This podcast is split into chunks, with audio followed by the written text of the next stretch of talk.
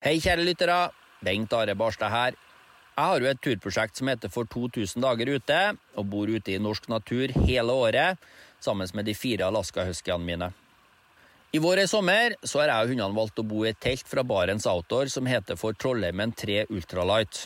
Jeg var veldig spent på hvordan dette ultralight-teltet kom til å fungere i forhold til mitt bruk, eh, men trass i at teltet har eh, lav vekt og lite pakkvolum, så er det god plass i det, og det er god takhøyde. Ytterduken på teltet går helt ned til bakken. Det gir god liv mot vær og vind. Samtidig så er teltet luftig og har veldig god ventilasjon.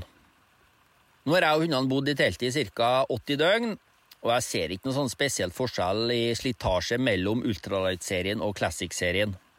Men med fire viltre hunder i teltet så skjer det ofte ulykker, og jeg setter utrolig pris på at Barents Outdoor har ei god serviceavdeling. Vil du lese mer om ultralight-serien eller andre telt fra Barents Outdoor, så kan du gå inn på www.barentsoutdoor.no.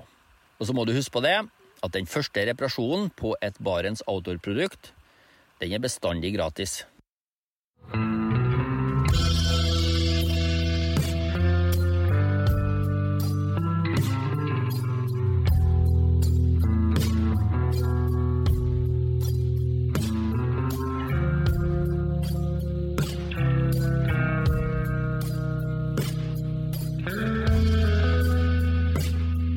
Hei og velkommen til podkasten Uteliv. Mitt navn er Randulf Valle. Dagens episode tar jeg opp i Finnmark etter ti dager på vidda. Eh, Jeg dro meg en forkjølelse inn på tur, så det er litt uklart eh, hvordan stemmen blir i dagens episode, men eh, vi prøver. Og jeg prøver meg òg med å kalle dagens gjest finnmarking. Er det en merkelapp du kan leve med, Gina Johansen? Ehm, ja, absolutt. Det vil jeg säga. Du er jo bosatt i eh, Honningsvåg, eh, men eh, vi hører vel allerede nå at du opprinnelig er eh, svensk. Har også bodd i Australia, en slags verdensborger. Ja, det det Jeg er jo født og uppvuxen på vestkysten i Sverige. Og eh, jeg jag var 19 år gammel, så flyttet jeg til eh, Sydney, Australien. og der var jeg i åtte år.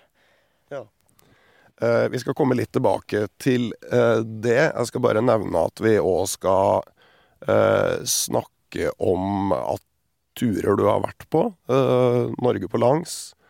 På ski fra Nordkapp til Sverige. Over Baikalsjøen i Russland. Den er jeg spent på. Og at du nå òg har satt blikket mot Sørpolen. Ja, det stemmer. Så det har blitt noen turer de sista mm, ja, fem åren. Men eh, som alltid, eh, før vi starter, så spør jeg jo har du hatt en fin tur eller naturopplevelse nå i det aller siste? Ja, det har jeg vel haft. Eh, I fredags så eh, var jeg heldig og guidet et eh, turister på fugelsafari som var årets sånn, første fuglesafari fugelsafari runt Og eh, hadde hade vi midnattssol så jeg tok sykkelen til Nordkapp. Ok, Er det liksom just another day når man bor i Honningsvåg? Eh, ja, egentlig. Eh, det, når det er fint vær og sånt så er det jo fint å kunne ta sykkelen og hive seg til kanskje Nordkap eller Skorsvåg og ta seg en pils. Og eh, jeg guider jo en del da på turistbåtene, så det blir en del fugelsafari i løpet av sommaren. Og alle artene er på plass? Havsula sitter ytterst ute på Gjesværstappan? Det stemmer. Og så har den vel funnet seg en plass til på, eh, ja, litt sørpå, på de de å sitta. Det er en av de fineste naturopplevelsene mine, mens det fortsatt var lov å gå i land eh, på, ytterst, eh, på den ytterste stappen. Eh, så det var tidlig på våren så kunne du gå i land der. Så jeg satt på det svaberget der en hel dag og fulgte med havsulene. Ble henta igjen utpå kvelden. Mm. Ja, det høres helt fantastisk ut. Jeg er litt usikker på om det er lov fortsatt. Det, det er en tidsbegrensning, men jeg tror den ble utvida etter at jeg var der. Sånn at uh, nå er det vel knapt lov å være i land der mens Sula er der i det hele tatt. Uh, Men uh, som du sa, altså, du, du er jo Du er fra, fra Sverige, og hest var en veldig sånn sentral del av oppveksten din. Ja, det stemmer. Så jeg kunne vel ride innan jeg kunne gå. Jeg er med, på hestgård med elleve hester. Mamma hadde ridskola. Så eh, nei, det har vært hester hele livet, og det var vel det som var barndomsdrømmen, da, å jobbe profesjonelt med hester.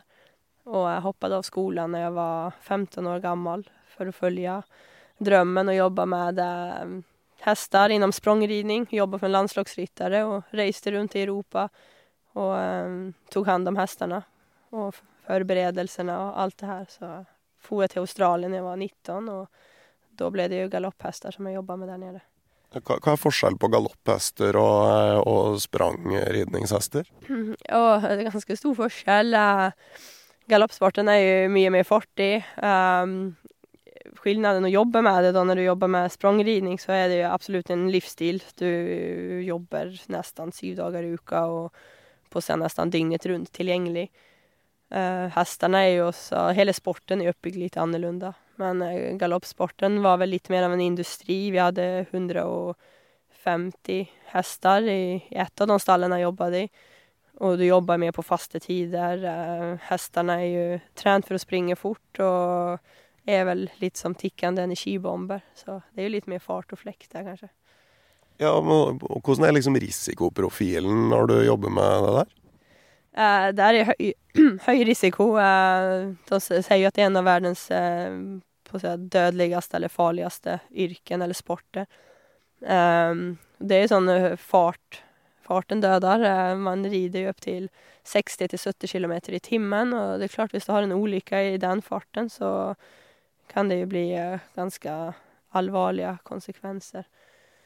Um, men sen er det jo en helt fantastisk sport. Uh, helt sinnssykt sånn adrenalinkick å sitte på en hest på 600 kilo, liksom, og sammen jobbe i den farten. Det er veldig spesielt. Noe du savner? Eh, ja, det, det gjør jeg, men det er ikke sånn at jeg savner å jobbe med det. Men jeg var hjemme i Sverige i fjor, og da var det første gangen på seks år som jeg satt på en galopphest og eh, fikk meg en tur og ride et snabbjobb igjen og kjenne på det. Og det var jo fantastisk. Mm. Men kan det være litt som eh, Det er jo en del hundekjørere eh, prata med. og altså, Man kan på en måte savne å kjøre hund, men ikke alle de timene med arbeid som ligger til grunn for den kjøreturen. Ja, jo, men det er jo litt sånn eh, Altså, det å kunne ha egen hest, det, det koster jo masse penger, og det er et ansvar, og det tar jo opp all din fritid. Så man må jo liksom velge da litt hva man har lyst til å gjøre, og jeg vil jo ha muligheten å kunne fære på tur. Og uh, da er det jo vanskelig å holde på med hester samtidig. Så mm. man må jo velge av og til. Ja. Forskjellige livsfaser? Ja, men litt sånn. Jeg er veldig, veldig sånn glad for den tiden jeg har hatt med hester, og de opplevelsene jeg har hatt. Sittet og ridd i noen av verdens absolutt uh, beste hester. Um, ja, hatt masse, masse fine opplevelser.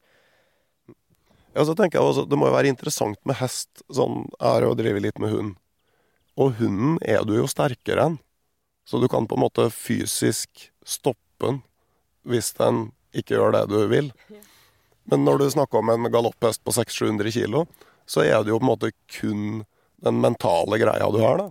Ja, ja, du klarer ikke å stoppe den med det rene muskelmasse. Det gjør man ikke. Uh, men der er jo veldig mye sånn uh, teknikk da når vi sitter og rider hestene. Spesielt galopphestene er utrolig känslig. Så det räcker nästan att du rör ett par fingrar fel och de får upp huvudet så sticker de av liksom. Eller du får melk, melkesyre i armene, og uh, du plutselig får en strak arm så klarer du ikke å få hesten tilbake. Så det er veldig mye sånn teknikk og samspill uh, med hesten. Uh, er veldig mye for horsemanship og liksom kunne lese av hver individ av hestene. en del hester er jo veldig nervøse om å tas på en måte. Andre hester er kanskje litt hardere i psyket og du kan bruke litt mer kraft på. Så uh, det er jo noe som uh, ja, betydde mye for meg da jeg red, å liksom legge ned den jobben på hver individ og kunne se hver individ. Og som hest så Nei, man kan ikke bruke muskel, muskelkraften. Det mm. Men allerede i løpet av den tida i Australia, altså du la ut på en ganske lang sykkeltur? Ja, det stemmer. Eh, det var vel samboen min som jeg var sammen med da, ville reise østkysten, som alle de her backpackerne gjør. Og jeg hadde jo ikke lyst til å gjøre det samme som alle gjør. De kjøper seg en bil, og så kjører de, eller så sitter man på en buss opp med masse turister. Så jeg sa at det er greit, vi kan reise østkysten hvis vi sykler. Mm.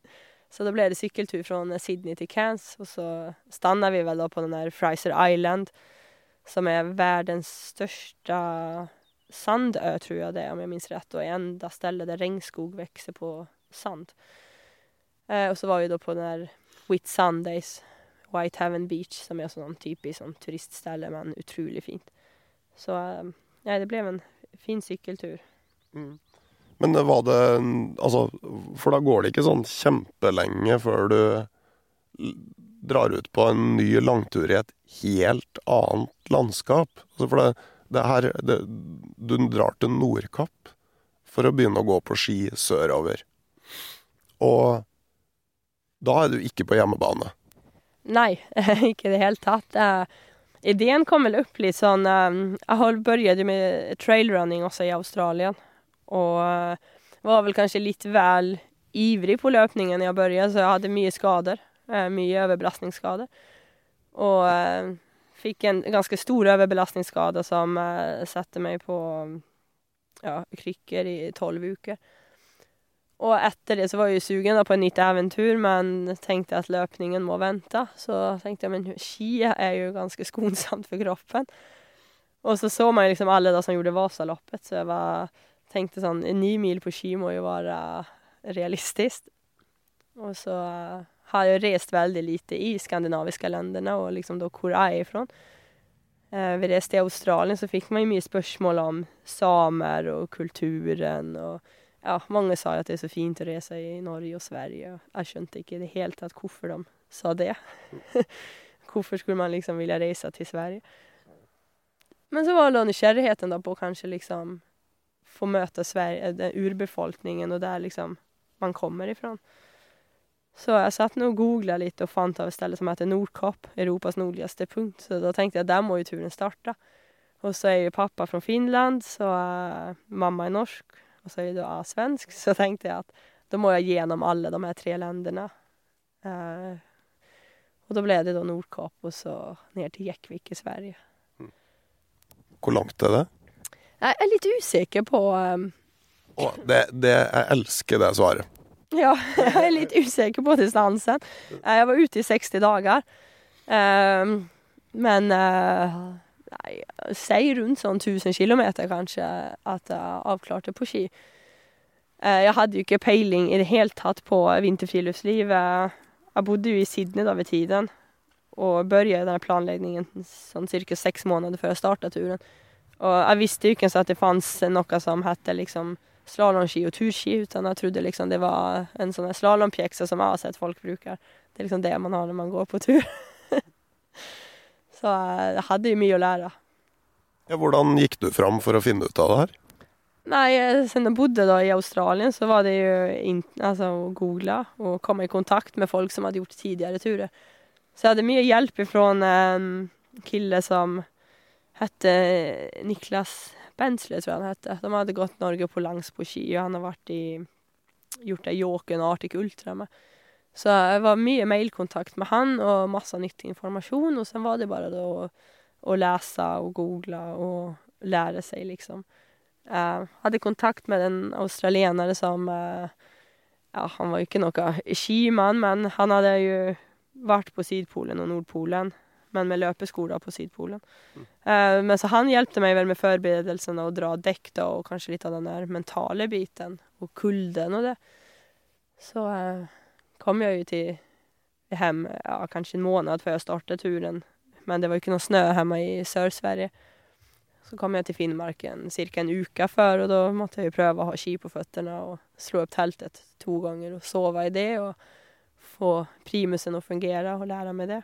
Mm. Og eh, sen googlade jeg hur et kompass fungerte kvelden før när jeg satt på Scandic i Honningsvåg. Så eh, for jeg da til Nordkapp og startet Ja. Men du hadde altså ikke gått på ski før i det hele tatt? Nei, jeg har vel haft ski når jeg var barn hjemme. Eh, Det enda jeg kan huske ifrån det var at snøen snön fastnade under skidorna och eh, de lossade från, från skorna. Det var väl bara sådana här barneski. Eh, Så jeg har egentlig aldri stått på ski. Jeg har aldri stått på slalåm heller. Men øh, hvordan var det når du begynte?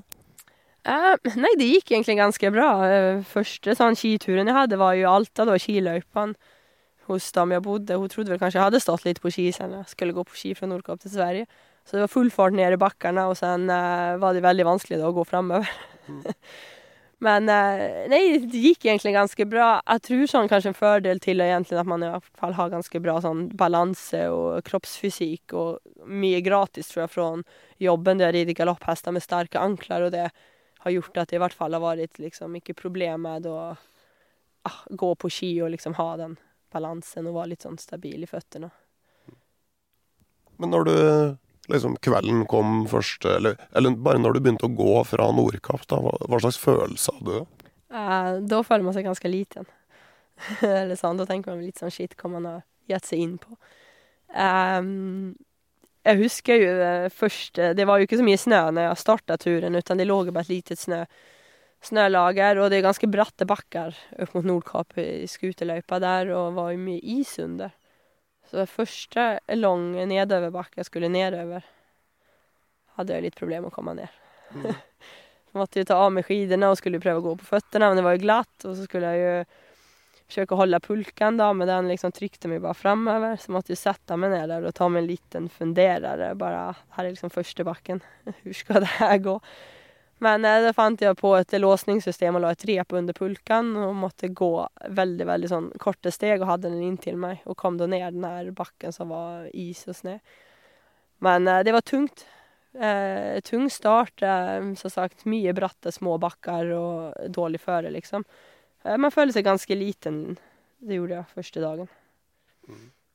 Og når du kom og skulle sette opp teltet første kvelden, da? Jeg husker ikke så veldig mye ifra det. Jeg husker når jeg satt i teltet at jeg hadde spist og det at, at Det var veldig blandede følelser. Litt sånn skummelt, men enda sånn at det her klarer jeg. Eh, jeg var veldig sånn Innan turen så hadde jeg en god uh, følelse at jeg har kontroll på det jeg skal gjøre. Jeg tror sånn hvis man står på starten og har en dårlig magefølelse uh, og er tvilsom på at man kommer klare det man har gitt seg inn på, så skal man nok ikke gi seg ut på vintertur alene, i hvert fall i Finnmark. For uh, man har ikke råd til mange mistak på vinteren. Nei, hva var de største utfordringene? Oi, altså Egentlig så gikk turen veldig fint. Uh, jeg hadde problemer med kjøkken som gikk sønder. Uh, og satt og forsøkte å reparere på det. Det var jo sånn at når jeg kom, så hadde jeg jo lite tid å få utstyr sånn sendt til meg, og reparasjonskittet til primusen og det var forsinket, så det ble å havne i matdepån i Kilpisjärvi. Men jeg starta liksom med et helt nytt kjøkken. Og eh, et par netter innan Kilpisjärvi så gikk jo da kjøkken sønder. Og jeg hadde da trengt en av de her ekstra delene. Men eh, der møtte jeg jo noen samer og eh, fikk hjelp derifra. Og ble vel et par dager i lag med dem på fjellet da, og fikk oppleve også noe av det som jeg ville oppleve med turen. Å møte urbefolkningen i eh, ja, på en ekte måte, da, ute i fjellet, ikke som en turist. Mm. Ja, det var en, eh, en, drivkraft for turen? Ja, det var det absolutt. Det sånn, jeg hadde jo liksom aldri sett en rein, og jeg hadde jo aldri møtt en same. Og det var jo liksom, jeg, det var liksom å finne ut om samer går med folkdrekt på fjellet, eller mm. ja, Jeg hadde ingen anelse. Det er jo liksom ingenting man lærte seg i skolen heller, hva jeg kan huske om vår urbefolkning og kulturen oppe i nord. og med reindrift og det. Jeg tror ikke vi har hatt noen ting av det i skolen da jeg var liten. Og etter å ha reist i Australien og møtt aboriginals i, uh, i deres sånn ekte kultur når vi sykla østkysten, og fått mye spørsmål om uh, samer og reindrift og det, så ble jeg veldig nysgjerrig på det, og da tenkte jeg å ta på seg ski og liksom møte dem ute på fjellet det er jo den måten å finne ut av det på hvordan de virkelig er. Mm. Hvordan, eh, hvordan var opplevelsen av møtet? Uh, ja, det var litt sånn spesielt. Det var jo litt mye alkohol da på de eh, samene jeg møtte. Og jeg kom jo der som ensom skei og eh, tre mannfolk på en hytte midt ute i ingenstans. Med ja, mye alkohol i de her folkene. Så det var litt sånn at her må jeg være forsiktig, for jeg hadde jo blitt varna da innenfra det her med ah, samer og en del, i hvert fall så mange svensker, at det er litt sånn forutfattede meninger. Uh, men de var jo kjempehyggelige, og fikk jo ble bedt på middag der, på Buljo. Kokte ordentlig oppe på fjellet, og uh, fikk følge med dem når de var ute og passet på flokken. Og Sen ble det skikkelig dårlig vær når vi var der. For vi skulle kjøre ned dem med scooter til uh, Stappen, der de uh, hadde byen for å få ordnet kjøkken og det. Men det ble værfast der oppe i to dager innan vi da kom oss ned til Sappen og fikk ordnet kjøkken og det. Så uh, nei, det var virkelig en opplevelse, men den var jo utrolig hyggelig. Det er bra. Men uh, hvordan var på en måte opplevelsen av turen i forhold til forventninga di? Uh, ja, jeg klarer ikke å huske liksom, hva for forventninger jeg sto med innan turen. Jeg tror ikke jeg riktig visste hva jeg, som ventet meg, på en måte. Men eh, jeg husker jo de her naturopplevelsene midt inne på Finnmarksvidda, der jeg gikk utenfor skuterløypa og ikke så mennesker på seks dager. og liksom hadde gått i whiteout i tre dager og bare gått etter GPS-en. Og sen å våkne opp en dag og liksom, det var den soloppgangen. Og samtidig kunne jeg også se månen var liksom så nært at det var den som kunne ta på den. På ene siden, og så solen gikk opp på andre siden. Det var sykt mektig. Og eh, nordlys og alt det her. Det var liksom sånn Jeg, jeg ønsket at flere folk kunne få oppleve det her. Og være liksom helt alene der ute og møte, altså, møte naturen på den måten. Det var veldig spesielt. Var det på, måte, på slutten av, eller i løpet av turen Var det ting du var, hadde lært, begynte å gjøre annerledes? Var det liksom noe som endra seg i løpet av turen? Um, nei, ikke helt sånn. Jeg tror jeg liksom hadde lest på så mye og var så innøtet på Jeg er veldig sånn organisert person og veldig sånn for rutiner og det, så jeg har liksom følt egentlig fra starten at jeg hadde liksom veldig koll på hvor jeg hadde lagt utstyret til pulken redan fra dag én. Og når jeg pakket greiene inn i teltet, så ramlet de ut på samme plass. Eh, så, så, jeg følte at jeg liksom hadde lest på så mye og nøttet det inn i hodet at eh, liksom rutinene fra dagen var fulgte med hele turen. Men det er jo garantert ting som jeg har gjort annerledes eller gjort, vært aha-opplevelse, men inget som jeg liksom sånn kan helt sette finger på sånn nu. Men jeg tror da, det er jo en stor fordel å være godt organisert når man er på tur, spesielt på vinteren. Altså, du må ha koll på hvor du har utstyret ditt. Du kan ikke bare kaste ting rundt deg. Men eh, etter den turen her så kunne du jo dratt tilbake til Australia. Eh, jeg vet ikke om det var tanken? Jo, det var vel eh, tanken. Jeg hadde jo alle mine ting i stort sett igjen i Australien. Men jeg hadde vel litt sånn av en drøm innan jeg for at jeg ville spendere sommer, äh, vinteren, nei, sommeren i Europa og sen ha sommer i Australia når vi har vinter her. For det er jo sånn at egentlig så liker jo ikke jeg snø og kulde, da. Det er mange sånne Facebook-oppdateringer fra Australia når det er vinter der og det er 16 grader, og jeg klager på at det er kaldt og helt jævlig. Eller eh, der jeg har oppdatert når de har hatt et par minusgrader hjemme og skrevet at jeg er glad at jeg ikke er hjemme i Sverige i snø og minus. Så jeg hadde jo en plan om å kunne ha sommer året rundt og, og fære til sånn type Alperna, eller jeg var litt sånn inne på Tromsø også, har sett mye bilder derifra, og springe i fjell. Og sen fære tilbake til Australien i sommerhalvåret og da ride galopphester når det var sommer der. Men eh, så ble jeg da veldig forelsket i vinterfriluftsliv når jeg gikk på ski her, og i Finnmark. Uh, så det ble liksom da at jeg bokade en biljett tilbake til Honningsvåg. Og sen så har jeg jo truffet samboen min som er fra Honningsvåg, så har jeg liksom blitt igjen her oppe. Uh, hvis noen hadde fortalt deg det sånn etter de fire første årene i Australia, at du skulle bosette deg i Honningsvåg, hva hadde du tenkt da? Nei, det hadde aldri skjedd. det hadde også aldri skjedd. Nei, det var, jeg var veldig Nei, det skulle være som, sommer og varmt livet er liksom en snodig ting sånn sett, da. Ja, man, man vet jo liksom aldri hva som er rundt hørnet, liksom. Og kunne være litt ødemyk til å prøve nye ting, tror jeg er veldig viktig. Mm. Men, eh, men, som du sier, altså, du, du begynner jo å få altså, Fra å ville ha sommer hele året, så flytter du til Honningsvåg. Og så er liksom ikke Honningsvåg heller helt kaldt nok, da. Sånn at i 2019 så setter du kursen mot Baikalsjøen i Russland. Hvor kom den ideen fra? Nei, det var vel litt sånn Egentlig etter jeg gikk denne turen alene da, fra Nordkapp til Jekvik, så var det sånn at jeg trenger ikke å være ute to måneder alene igjen på tur. For jeg liker meg veldig godt i selskap. Så eh, tenkte jeg en sånn her Jeg hadde hørt om det Jåken Arctic Ultra. Jeg er, har jo også veldig sånn tävlingsinriktad og liker å pushe meg selv. Så var jeg veldig sugen på å gjøre det reiset der da, Jåken Arctic Ultra, 700 kilometer. Hvilket jeg tenkte at man kan gjøre da på en sånn to uker. Og tenkte at det er en grei tid å være ute alene. Noe lengre trenger jeg ikke.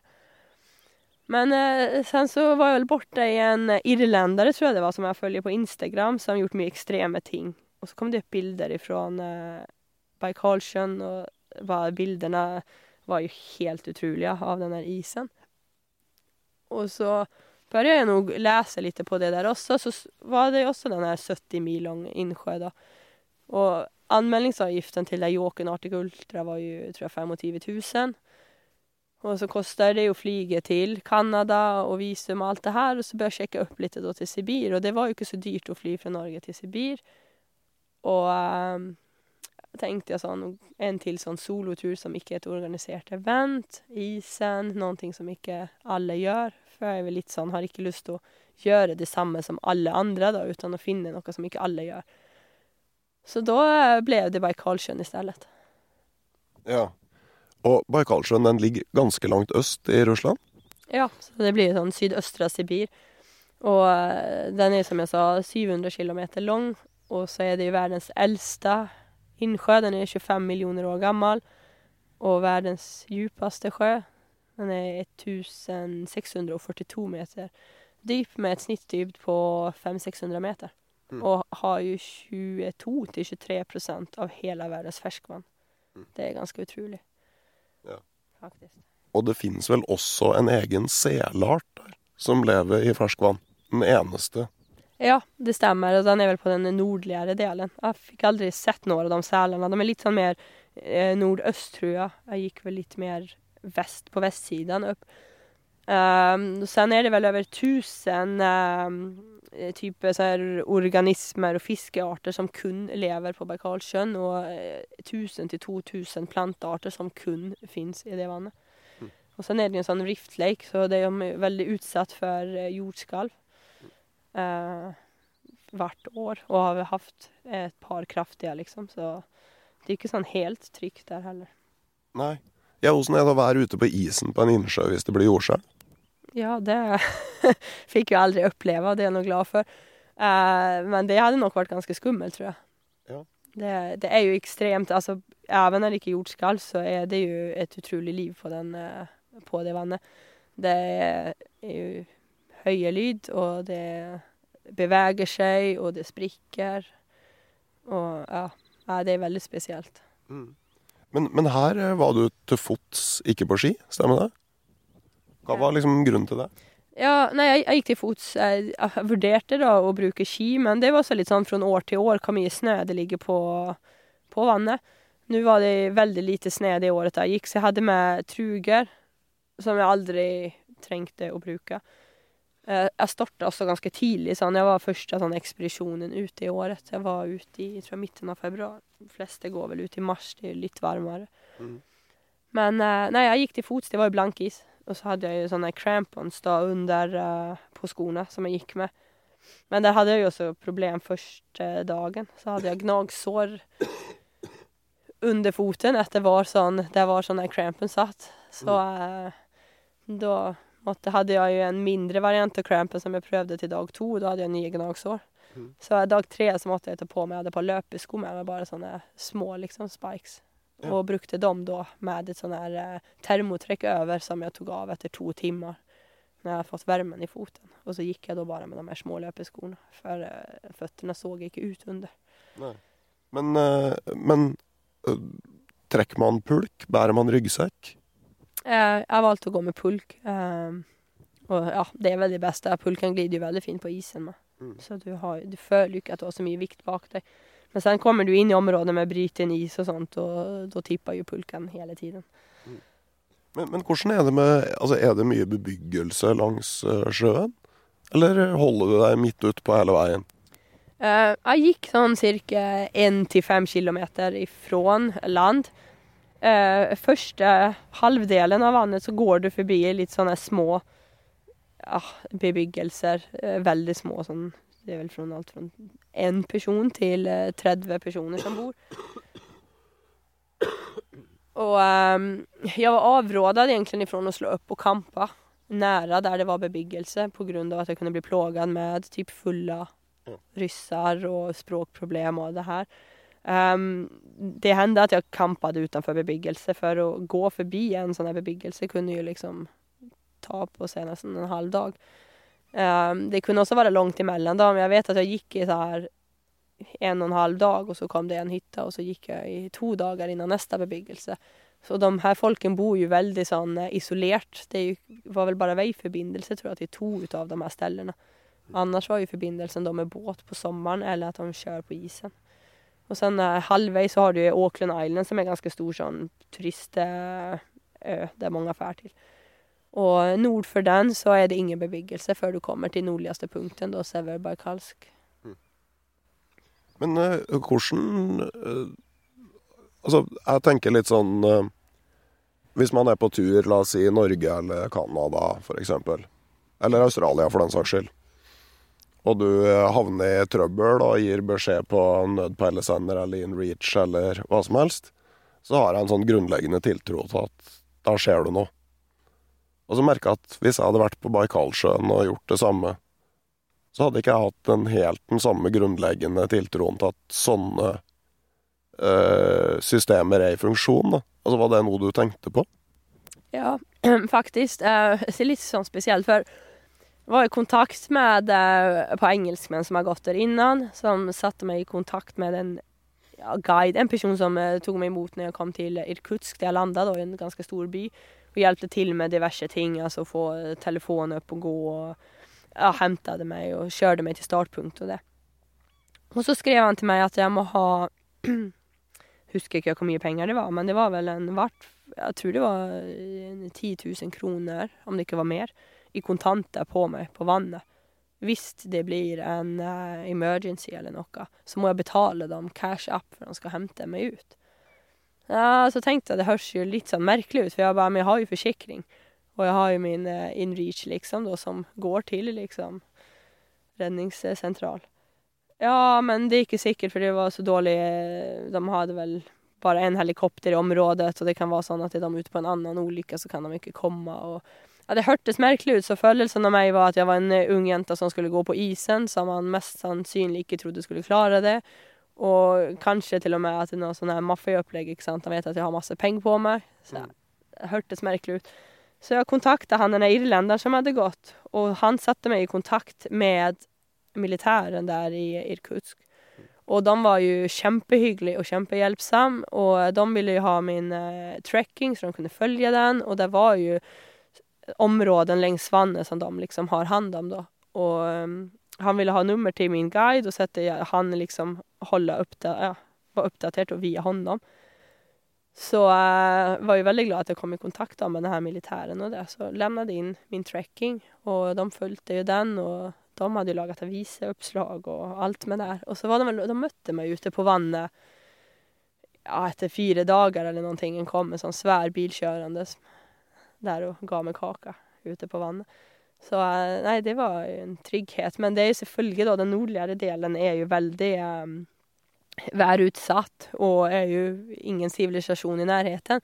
Så det er jo sånn, altså, hvis någonting skjer når det er dårlig vær så er det jo ikke sånn at det kan jo ta dager før de kan gjøre en redningsaksjon. Det må man jo regne med på et sånt ställe. Sånn For å få teltet til å stå der, er det isskruer som gjelder?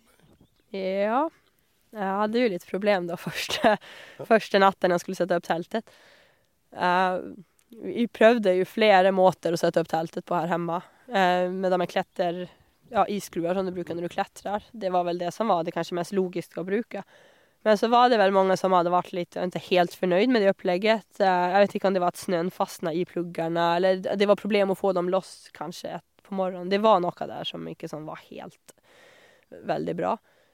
Så eh, vi prøvde jo med sånn handborr och prøvde å lage forskjellige typer som man kunne bore ned i isen. Og vi prøvde jo her hemma da, men vi fant liksom inget bra system på noen borr som var veldig bra. Eh, Men sen så kom noen med sånne her plugger som heter isfisketelt. Det er jo en som ser ut som en skruv så bare skruver du den rett ned. Og de var jo veldig fine å skruve i på isen her.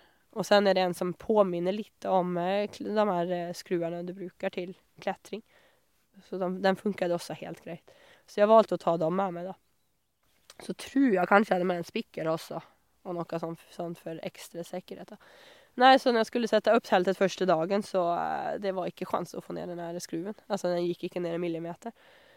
Og prøvde å liksom bunke så jeg fikk et litet hål å starte på og den ville ikke skrua seg ned.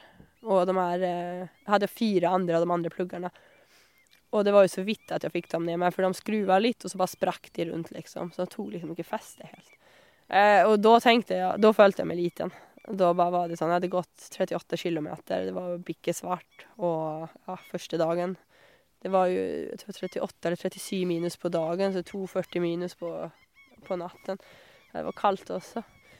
Men eh, jeg fikk da til slut ned fire av de her klätterpluggarna, eller som, som påminte om sånne klätterpluggar, eh, etter mange om og men.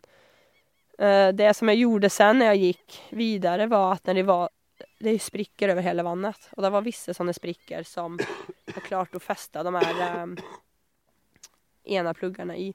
Så lite avhängig av det och sen så la jag mig nära där det var sprickor och isblock så brukte jag eh, block och sånt som barduner. Men, eh, och så satt fast barduner. Men eh, jag gick ju 5-6 mil om dagen och jag gick 12-13 timmar. Jag slog upp tältet rätt för det blev mörkt.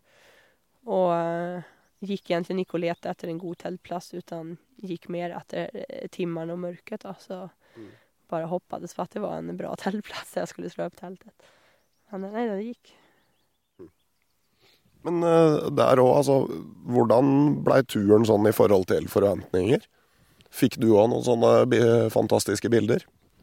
Ja, det gjorde jeg. Eh, det er jo, den isen er jo helt utrolig. Og den ser ju annorledes ut hver dag. Det er jo alltid fra bubblor til sprickor. Det er over en biljon sprickor på isen og isblock som er opptil to meter høye. Og så er det en av verdens klareste vann og så sier de. Uh, isen kan du kan jo på områden se flere meter ned i vannet. Så det er utrolig, utrolig, otroligt fint. Um, men selvfølgelig, det var en kald start og mye vind. Jeg hadde problem med bensinlekkasje um, på bensindunken. Først, også etter første dagen og måtte gå innom Lystvianka heter det. Det er vel egentlig sånn sista ordentlige bebyggelse som du går innan du går forbi de här småsamfunden opp igjennom. Eh, men eh, det som jeg da har notert på etterhånd, er jo da når du kom da, til Kusk så fikk du den her er det fem liter bensindunk, de er standard. Det er liksom det. Og så får du ikke tag på vanlig rensad bensin der, utan det er det de bruker i bilarna. Som er verre enn det vi bruker i bilene. Så det er jo ikke noe fin bensin å brenne i brenneren. Um, så uh, 240 minus, 37 minus på dagen. Det er jo pakningen som garantert har tatt stryk där. Den holder jo ikke tett når det blir så kaldt. Og de der bensin, fem liter som er bensindunkene, de lekker jo nesten bestandig. Så uh, nei, den hadde jeg litt problemer med der, men eh, vi fick nog ordnat upp i det. Det var ingen kris. Utan det var att gå in där på land och fått fixat lite med utstyret och ordnat en ny dunk och sen eh, ha den i en egen pose Litt sånn. Eh, sen var det mange som hadde problem med primus, som, altså tidligere turer som har gått. Mange som har avbrytet turen grund av at primusene slutter å fungere. Og det er jo garantert av den dårlige brenselen du har. Så der hadde jeg dubbelt opplegg med mig. Det er jo alltid greit når det er kaldt. Ja, Men eh, hvordan er det altså, sånn, Hva er det som mest av alt sitter igjen når du ser tilbake på den turen nå? Um, nej, eh, isen egentlig. Altså hele isen, den er det går ikke å beskrive. Jeg skulle gjerne ville dra tilbake dit og ikke gå over hele vannet utan bare brukt tiden til å utforske. Det skal jo være masse otroliga fine grotter og sånt där. Jag hadde jo litt sånn Jeg gikk jo veldig fort över, eh, gikk fem-seks mil sista uken og hadde liksom et mål om at jeg ville ja, se hvor fort jeg klarte å gå for rekorden på en måte. Og pushe pusha selv litt grann også, da. Det var jo litt av det her egentlig at jeg skulle gjort det reiset til i åken. Och de her engelskmennene hadde rekorden over uh, Baikalsjön. Jeg husker ikke, jeg gikk på 14 och en halv dagar. Ehm, det tog meg tre dager, tre-fire dagar innan jeg var inne i liksom rutiner og følte at jeg hadde ting på plass. Um, så hadde jeg vært litt mer forberedt fra starten og kunne liksom hatt det flytet jeg fikk etter fire dagar så hadde jeg kunnet gå på mye snabbere. Men det, det var bare naturupplevelsen der. To-tre tusen meter høye fjell rundt.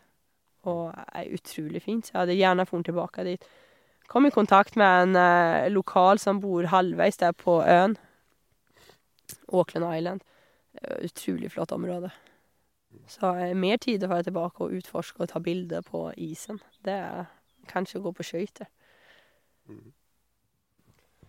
Ja, for det tenkte jeg på. Altså sånn du som, som er svensk, da. Altså langferdsskridskoer er jo svært. Det måtte jo være den ultimate langturen på skøyter.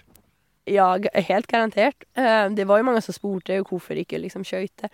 Men da var det også litt stå tilbake til det her at det var jo mye folk som skøyta over vannet og det, så det ble også litt sånn prinsippsak at gjøre det til fots. Eh, som da de her engelskmennene hadde gjort. Jeg tror det var en nordmann som hadde gjort det innan. Og, ja. Så hadde jeg ikke Jeg har stått på skøyter som barn, og det. Jeg har aldri stått på langferdsskøyter. Men eh, det var vel egentlig litt av den der rekorden, da, og fart, og teste meg selv mentalt, som trigget det.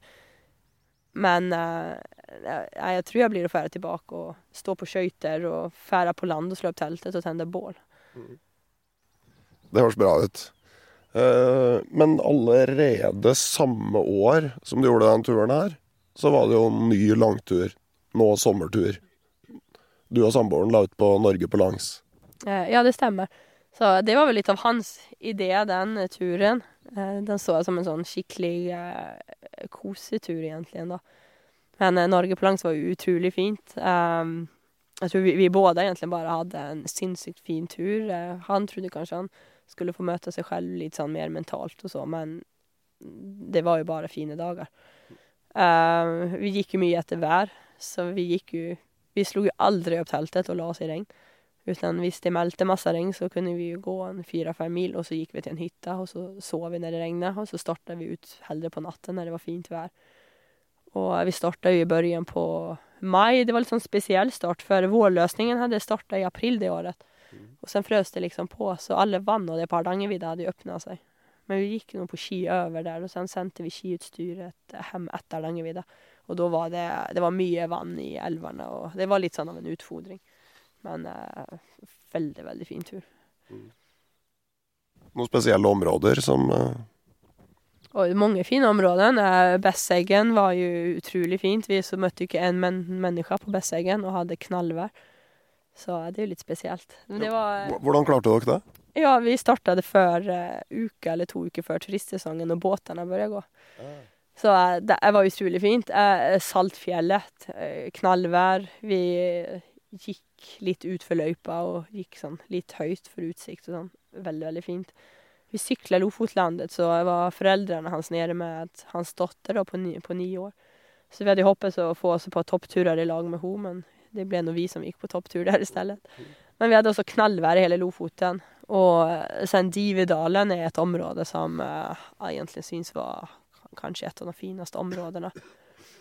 Uh, Foruten at vi hadde noe sinnssykt med mygg i Dividalen. Vi hadde hund med oss, men han sendte vi hjem i, i Lofoten da, på grunn av mygg og det.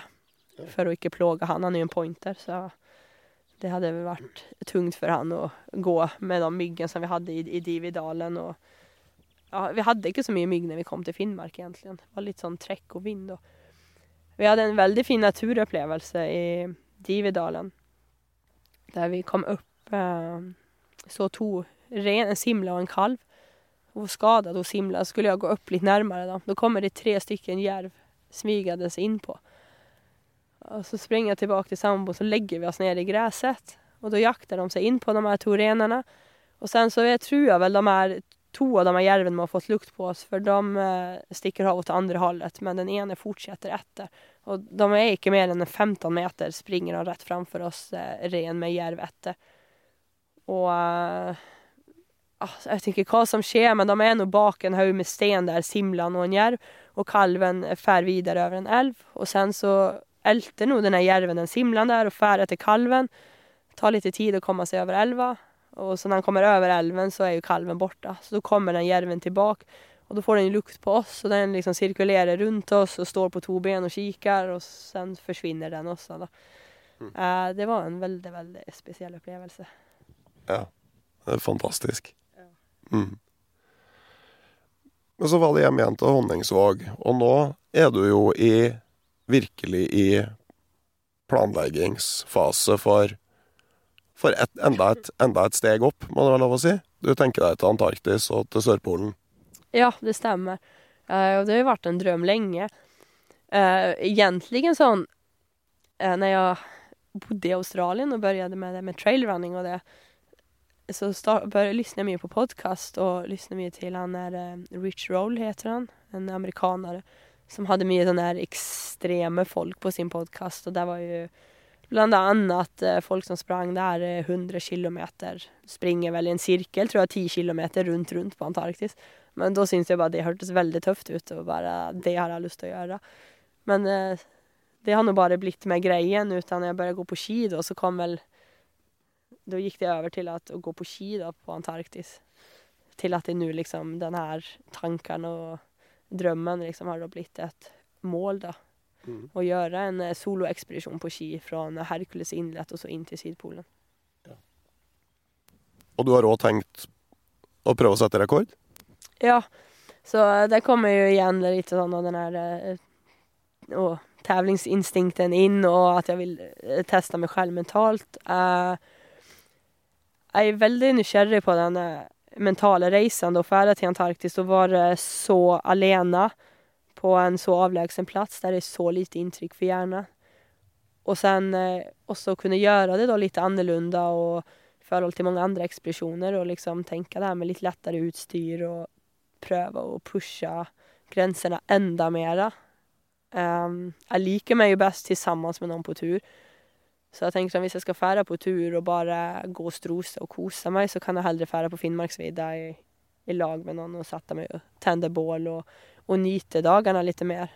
Jeg tenker Hvis jeg drar til Antarktis, så vil jeg liksom sette det skikkelig på spitsen og se hvor mye jeg kan pushe meg. Og uh, samtidig å nyte liksom, det her landskapet som er der nede. Og ja, veldig sånn spent på egentlig hva som skjer oppi hodet når du er så alene. Det, det er jo ingen plass i verden der du kan fære der du får så lite inntrykk for hjernen, og du er så alene. Mm. Så eh, akkurat det har jeg veldig lyst til å oppleve. Mm. Men det når du går for en sånn hastighetsrekord, så er det jo Altså blant annet det at du må starte veldig hardt. Altså det er jo noe som må måtte øke risikoen for belastningsskader og sånn type ting, da. Altså Ehm, ja, det er noe sant. Um, jeg tenker sånn, i hvert fall sånn av de av turer man har, vært på innan, og det har gjort, så har liksom alltid kroppen hodet og allting har liksom, det har aldri vært noe som har vært et problem da, foruten løpeskader, men det er jo ganske naturlig når du begynner å springe fort når du ikke har sprunget, at skelettet ikke henger med.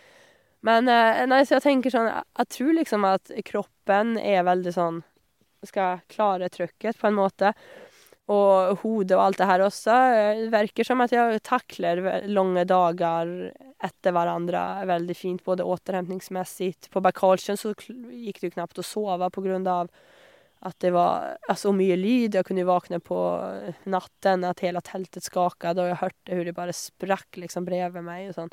Så det var jo veldig lite søvn under to uker, men jeg har liksom alltid følt meg god energimessig. og ja, Ingen problem liksom å trø på de lange dager. Men jeg tror kanskje jeg har mye å takke ifra jobben jeg har hatt. Altså, suttit i seks-syv dager i uka og ridit 8-13 hester, og at kroppen alltid har vært igjen under litt sånn jobb og påfrestning, jeg tror jeg kanskje er et stort pluss i forhold til om jeg har sittet på et kontor hele livet. Tror jeg. Ja, det er definitivt en mer aktiv yrkeshverdag du har hatt uh, opp igjennom, og, og for så vidt òg når du slutter på skolen allerede som eh, 15-åring og ut i en veldig sånn egentlig ganske fysisk jobb. Det. Ja, det er veldig fysisk jobb, og, eh, og egentlig det ansvaret som jeg fikk ta da Jeg jobba jo for en landslagsrytter i Sverige, og vi ansvarlig for sånn fem-seks av hans terningshester. Og han debuterte jo i verdenscupen og i superligasvenske laget og hadde en veldig fin hest. Som jeg mener er en hest som har et verdi over 25 millioner, så har du et ansvar. Altså det, du skal ikke gjøre noe mistak når de skal inn og ride verdenscupen, og alt ligger på deg. Det er jo med mat og veterinærvård og ja, du ska ju liksom, du ska känna hästen innan och utan. Eh, är det en värmeforskjell på benen? Har han lite av en svälling? Alltså det, du ska egentligen känna hela hästen från topp till tå. Och eh, det är ju ditt ansvar att allt av utstyr är med och att när ryttaren kommer och sitter upp så ska allt vara, vara på ställ liksom. Mm. Og det er jo mulig å kjenne igjen litt av overføringsverdien til en uh, sørpoltur. da. At uh, liksom mye ligger i detaljene som må stemme. Absolut. Det är ju det med förberedelse och packning och hela den biten. Och säkert också den ifrån jobben jag haft den mentala biten också, vill jag tro i vart fall. Eh, med ansvaret du har og de her store tävlingarna som eh, man reiste rundt på. Eh, det er jo ikke bare en vanlig konkurrens utan når det er på den nivån og det er svenske landslaget, det er jo kval til OL og mesterskap og sånt. Det er jo ikke bare en vanlig liten konkurrens man er ute på som du er ansvarlig for at alt skal være på stell. Så det er klart, man har sikkert byggt opp en eh, mental styrke som man ikke egentlig har selv forstått at man har gjort under den tiden. Och det er samme i Australien med. Det er jo utrolig mye penger i sporten der. Der er jo prispenger opptil till 25 millioner, og hester som er verdt godt over 25 millioner. Eh, så du har jo en utrolig ansvar. Du sitter jo og rider de her hestene i trening og ja, gjør jo alle forberedelser. Og man har et ansvar som man kanskje ikke har sånn, tenkt på egentlig. Da. Men også sørpolturer er jo ganske Er jo økonomien ganske stor. Hvordan ligger det an der? Ja, det koster jo utrolig mye penger, eh, tyvärr. Eh, bare Antarctica Logistic som er företaget som flyger det inn og liksom er ansvarlig for det tar jo 800 000 for å få det dit trygt og få meg tilbake trygt. Eh, og sen kommer det jo andre kostnader rundt omkring der, så du lander vel på sånn straks over miljonen. Uh, skal jo ikke lyge om at det er veldig vanskelig å få inn sponsorer. Uh, det er det. Og det er ikke favoritdelen heller å selge og skryte seg sjøl opp.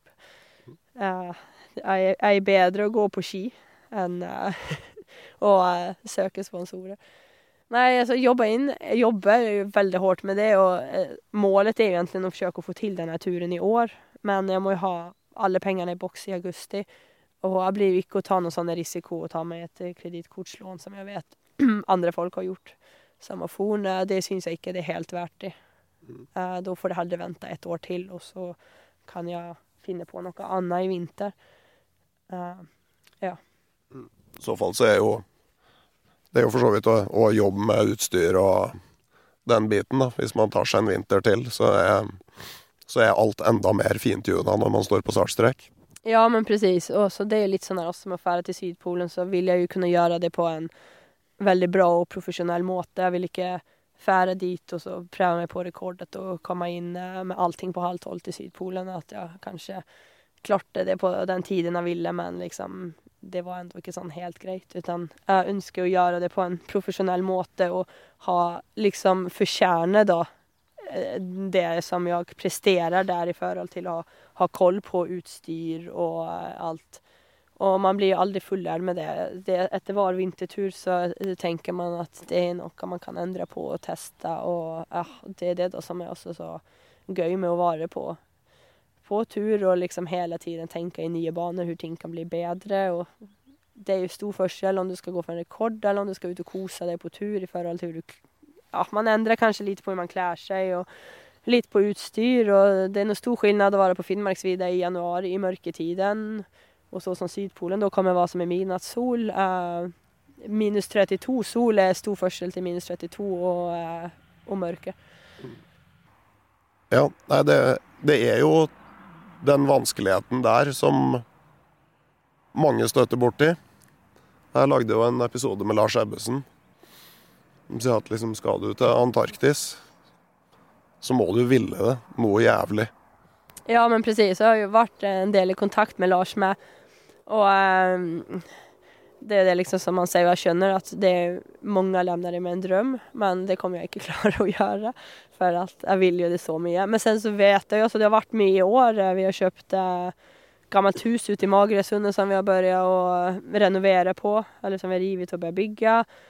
Og det er mye ting som skjer nå også, så um, til Antarktis kommer jeg meg. Hvis det ikke blir i år, så jeg vet jeg at jeg kommer meg dit neste år. Uh, og det er klart, man skal jo liksom jobbe, og man skal trene, og du skal prøve utstyr, og du skal søke sponsorer. Og så holder man da på med det her hyttebygget som uh, det er jo på seg hele Honningsvåg følger med på nå. Ok, men det, det er jo så, så, så, Sånn er det å bo på et uh, sted som er litt mindre her i nord. Alle vet alt som skjer. Ja, men precis. Og sen har vi liksom starta med det her i februar og liksom for ut på fjellet når eh, alle andre satt hjemme og mente at det var for dårlig vær for å være ute. Og har på seg jobbet som noen tullinger der og rivet huset på rekordkort tid. og ja, det, har, det har gått unna når vi har jobba der ute, da. Men eh, har man vært litt sånn her åh, man kanskje skulle vært på gymmet, men etter å ha stått med en slegge og bunket ned en pipe pipa og flyttet en eh, tonn med stein, alt med håndkraft, og eh, båret virke til materiale material til hele hytta opp ikke sant, fra båten og lastet og styrt, så eh, det er tungt arbeid også. Ja, Du trenger ikke på gymmen etterpå da? Nei, det, man gjør jo ikke det. Sånn, og det, også, det kommer bli en utrolig fin plass. Eh, det er jo et skikkelig naturområde med en gammelt hus. blir en liten hytte der uten strøm og vann med utsikt utover Måsøy og Havesund. Det er jo öppet hav nesten til Nordpolen rett utenfor. Værhardt og selkoloni som lever utenfor og vært knølhvaler med utsikt fra hytta inne nå. og Fiskevann både på fjellet og ute i havet og jaktmuligheter. og muligheter for å både springe i fjellet der og Nei, det kommer bli en fin plass. Mm. Tror vi kan konkludere med det innledningsspørsmålet at eh, ja, definitivt finnmarking. Ja. Mm. den, uh, den nekter jeg ikke på, nei. nei. nei jeg, trives, jeg trives, veldig godt her oppe. Det er jo, altså Naturen her oppe er så spesiell, og menneskene og kulturen. Det, jeg elsker Finnmark. Og så er det jo så ekstremt på så mange måter, bare med midnattssola. Spesielt også ute på Magerøya. Du drar opp til och og solar står på og når det er vindstilla og fint där. Og sen har du de her stormene, og det er eh, bobiler og campingvagnar som er blåst av veien og knust åt alle håll på att säga. Det var jo bare nu to dagar sedan så det låg eh, to bobiler avblåst, og motorcyklister og campingvogn som var knust eller när vinterstormarna står inn. Og sen så får du de her helt utrolig fine dagene og nordlys. och så det er jo veldig spesielt å bo her. Ja. Kontrastene er store. Ja, virkelig. Og så er det jo så mye som naturen har å gi. Alt fra bærplukking til jakt og fiske. Og, ja, man er nå heldig. Jepp. Det var veldig hyggelig å prate med deg, Gina Johansen. Eh, lykke til med forberedelsene til Sørpolen. Ja, tusen hjertelig takk. Det var veldig hyggelig å prate med deg med. Mm. Helt til slutt så spør jeg jo som jeg bruker å gjøre. Altså, vi sitter her nå, nå er det juni, og en nydelig sommerdag. Og vi hører jo at du egentlig ikke ønsker deg noe annet sted, men likevel, da. Hvis du skulle velge et eller annet sted i verden hvor du kunne være akkurat nå, ingen praktikaliteter å ta hensyn til. Hvor skulle det vært? Nei, på en måte så må det jo nesten bli Antarktis, men nå er det jo sikkert bikkesvart der nede. Så da kanskje det må bli ute i Finnvika der vi holder på med hytta. Og kanskje en vind En stille dag uten vind og sol der ute, og bare holde på å styre litt. Det er godt for sjela. Da forlater vi Finnmark og flytter oss samtidig fra midten av juni til slutten av august. Stemmen har vendt tilbake til normalen igjen, sjøl om det tok sin tid den gangen her. Det er litt rart å kikke tilbake på starten av sommeren, nå som vi er på vei inn i høsten. Tida har gått veldig fort, og det jeg satt og så fram til mens jeg var i Lakselv, ligger nå bak meg. Heldigvis så har jeg fylt på med gode minner, og har fått noen nye planer underveis. Og det kan nå godt være at jeg fortsatt er på reinsjakt når denne episoden dukker opp på telefonen din. Noe jeg var glad for på turen i Finnmark, var at jeg etter episoden om førstehjelp for turfolk, som jeg lagde sammen med Erling Rosenstrøm, gjennomgikk hva jeg faktisk hadde i min egen førstehjelpspose. For eh, når jeg fikk den verste luftveisinfeksjonen jeg har hatt på mange år, allerede den første dagen på en tidagerstur i Finnmark, så var jeg fornøyd med at jeg hadde fylt opp lagrene med både Ibux og Paracet. I tillegg var heldigvis været riktig bra, sånn at det var helt greit å ligge i Lyngen noen dager og vente på at det verste ga seg. Det gjorde riktignok at jeg ikke fikk sett meg om så mye som jeg hadde tenkt, men jeg får heller komme tilbake og utforske større områder neste gang. Så takk til alle dere som hører på, for at dere var med helt til slutten. Jeg sender som vanlig en eh, takk til min kommersielle samarbeidspartner, Barents Outdoor. En eh, stor takk går også til det digitale turlaget på Patrion, som gjennom et månedlig støttebeløp bidrar sterkt til å holde podkasten på lufta. Takk til dere som er med. Det er også plass til flere medlemmer i det digitale turlaget. Avhengig av valgt medlemsnivå koster medlemskapet deg en sum som tilsvarer noe mellom en billig kaffekopp og en ikke altfor dyr halvliter øl i måneden. Og da får du eksklusive episoder, du får mulighet til å påvirke valg av gjester og tema, og du får tilleggsstoff på nett i form av artikler og e-bøker. Følg link i episodeinfo, eller gå inn på patreon.com og søk opp podkasten Uteliv for å finne ut mer. Vel, uansett så kommer det en ny, helt åpen episode av podkasten Uteliv om ei uke, og inntil da så sier jeg rett og slett ha det bra.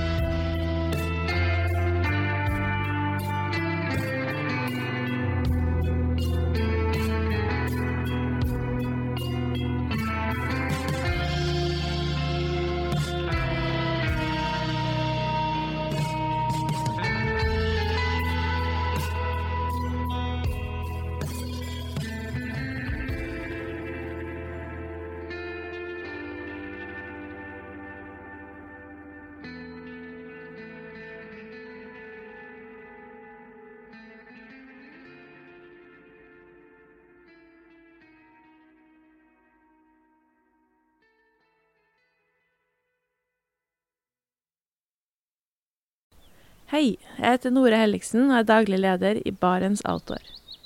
Det beste vi kan gjøre for planeten, er å redusere forbruket vårt og få mer ut av det utstyret vi allerede har. Men vi vet av erfaring at bruken av telt kan endre seg over tid. Det teltet du kjøpte for to år siden, passer kanskje ikke det behovet du har i dag.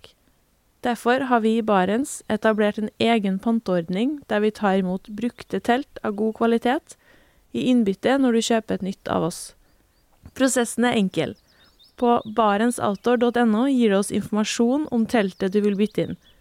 Basert på det får du et tilbud fra oss som gir deg rabatt på ditt neste Barentsprodukt. Mer info og betingelser finner du på barentsoutdoor.no. Og husk at den første reparasjonen på produkter fra Barents er alltid gratis.